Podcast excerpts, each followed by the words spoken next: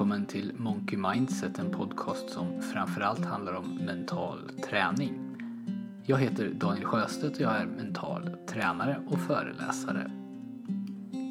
Idag så kommer jag att prata om ett ämne som jag helt säkert kommer att återkomma till många gånger eftersom det ligger mig så varmt om hjärtat och eftersom jag har funderat på det här och till viss del levt det under många år. Jag ska prata om minimalism. En del kallar det också för frivillig enkelhet och det kanske beskriver det jag kommer att prata om bättre.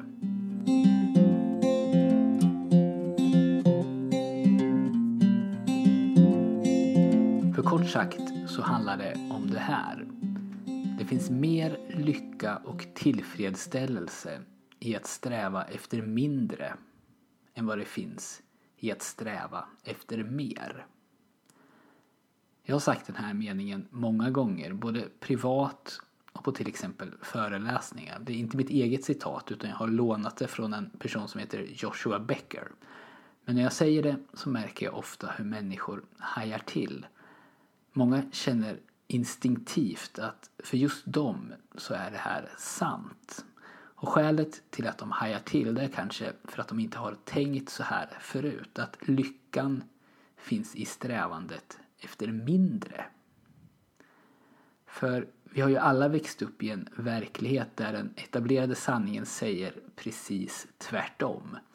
Att du ska sträva efter mer för att bli lycklig. Att det du vill ha finns där framme. Bara du får det här jobbet eller kan köpa den här bilen eller det här huset. Eller när du blir befordrad. Om du bara kan få lite mer än det du har nu.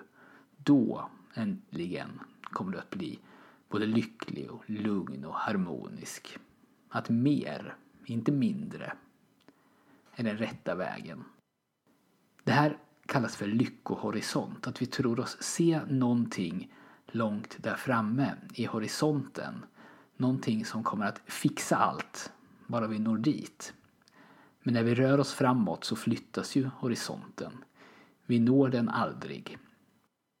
Och jag tror att många av oss känner igen oss i det här. Vi vill ha någonting, en pryl av något slag kanske. Och så skapar vi en bild i vår hjärna av att bara jag får den här nya telefonen så kommer jag att bli mer produktiv och mer organiserad och då kommer allting att ordna sig för mig. Och hos barn är det ju ännu tydligare, eller så är det lättare att se eftersom man observerar det från sidan men den bästa stunden för ett barn när det gäller konsumtion det är ju när de sitter i bilen på väg hem från affären och leksaken är köpt men inte upppackad. För då äger man ju den här saken som man önskar sig så innerligt och löftet om att den är så fantastisk som man har drömt om. Det löftet, det lever fortfarande. Men när du har använt den här telefonen i några dagar eller när barnet har rivit upp paketet och testat den här leksaken så inser man ju att det inte riktigt var så bra som man föreställde sig. Att ens liv ser precis likadant ut nu som det gjorde innan. Så man letar vidare, börjar drömma om nästa pryl eller ett ännu bättre jobb, en ännu snyggare bil. Men den här horisonten flyttar sig och varje gång du når fram till det du trodde var horisonten så riskerar du att bli besviken. Var det här verkligen allt? Jag är inte lyckligare nu än vad jag var igår. Och själva grejen det är inte att sluta sträva efter mål eller upplevelser. Personligen så tror jag att kontinuerlig utveckling är mycket viktigt för att vi ska känna tillfredsställelse i livet. Men för mig så blev mitt liv bättre när jag började se alla de här prylarna och alla åtaganden som jag hade på ett annat sätt.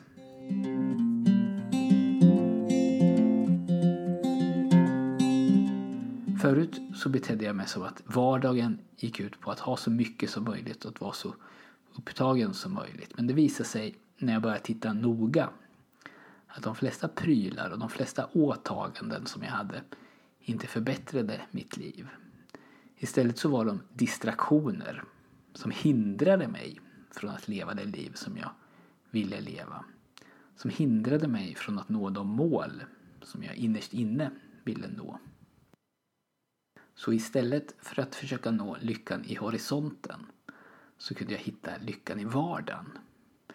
Att det var just den här stunden som var den stora grejen, inte målet i sig. Och det är kanske en klyscha. Det är vägen som gör mödan värd, sa ju Karin Boye. Men i det här fallet, och i alla fall för mig, så är det så. Och när min fru och jag började förenkla vårt liv, först och främst genom att göra oss av med en massa prylar och en massa måsten, så hände någonting. Det skapades utrymme.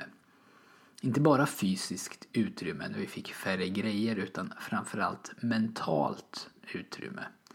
När jag ska försöka förklara fördelarna med att rensa i sitt liv så brukar jag dra en parallell med en luftkonditioneringsfläkt. Om fläkten står på hela tiden så märker du ju den inte till slut. Du märker den inte förrän den stängs av. Då känner du plötsligt hur otroligt skön tystnaden är. Och så var det för oss med prylar. Jag tror att allt vi har i våra liv, både fysiska och mentala saker, tar upp lite, lite energi i vår hjärna. Och en del grejer tar förstås upp mer energi än andra. Men när du gör det av med någonting så frigörs den energin. Den här luftkonditioneringsfläkten blir lite tystare. Och ju fler saker du gör dig av med, desto tystare blir det. Och efter ett tag så kommer du att se på varje pryl eller varje punkt i din kalender och fråga dig själv om just den här saken är värd det brus som den skapar. För oss var svaret nej på nästan allt. Och ju mer vi gjorde oss av med desto bättre blev vårt liv. Och när vi gjorde det här så blev det väldigt tydligt hur lite vi egentligen behövde och hur mycket av det som fanns i vårt liv som var en kostnad vad gäller livskvalitet snarare än ett värde. Och det är just det som är själva grunden i minimalism. Du vill fylla ditt liv med sånt som ger dig värde och du rensar inte för att kunna sitta i ditt tomma hus i ett tomt rum i skräddarställning och stirra in i väggen. Nej, du rensar ju för att kunna göra mer av det som du verkligen vill göra. Du rensar för att kunna skapa tid, utrymme och energi till att göra det du egentligen vill. Du slutar köpa en massa skräp för att du ska kunna lägga mer pengar på det som skapar livskvalitet. Du har färre saker, men de här sakerna som du har, de betyder någonting, de ger dig någonting värdefullt. Och på samma sätt hanterar du din tid. Jag kommer som sagt att återkomma till det här ämnet. Det finns mycket att säga men om du tycker att det här låter intressant och vill veta mer precis nu så har jag en annan sida förutom Monkey Mindset där jag skriver om det här. Den sidan heter Minimalistbloggen och du hittar den på minimalistbloggen.se. Jag postar några andra länkar också till sidor som pratar om minimalism och frivillig enkelhet och du hittar de här länkarna i anteckningarna till det här avsnittet på monkeymindset.se podcast. Och jag känner att jag behöver lägga till en liten parentes här. Och även om vi i familjen Sjöstedt försöker rensa och leva minimalistiskt så är det här någonting som går i vågor. Ibland så rensar vi och lever det här sträva efter mindre livet och ibland så kommer vardagen i vägen och vi sveps med och samlar på oss en massa skräp som vi inte behöver. Och, och då märker vi förhoppningsvis det och gör en ny rensning och minimaliserar och så där håller det på man gör så gott man kan helt enkelt.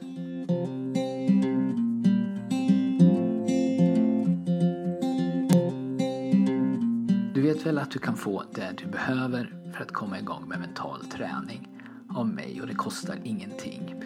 Om du går in på monkeymindset.se och signar upp dig för mitt nyhetsbrev så skickar jag dig de fyra ljudband som ingår i min app som heter just mental träning. Det var allt för den här gången. Tack för att du har lyssnat och vi hörs snart igen. Glad påsk!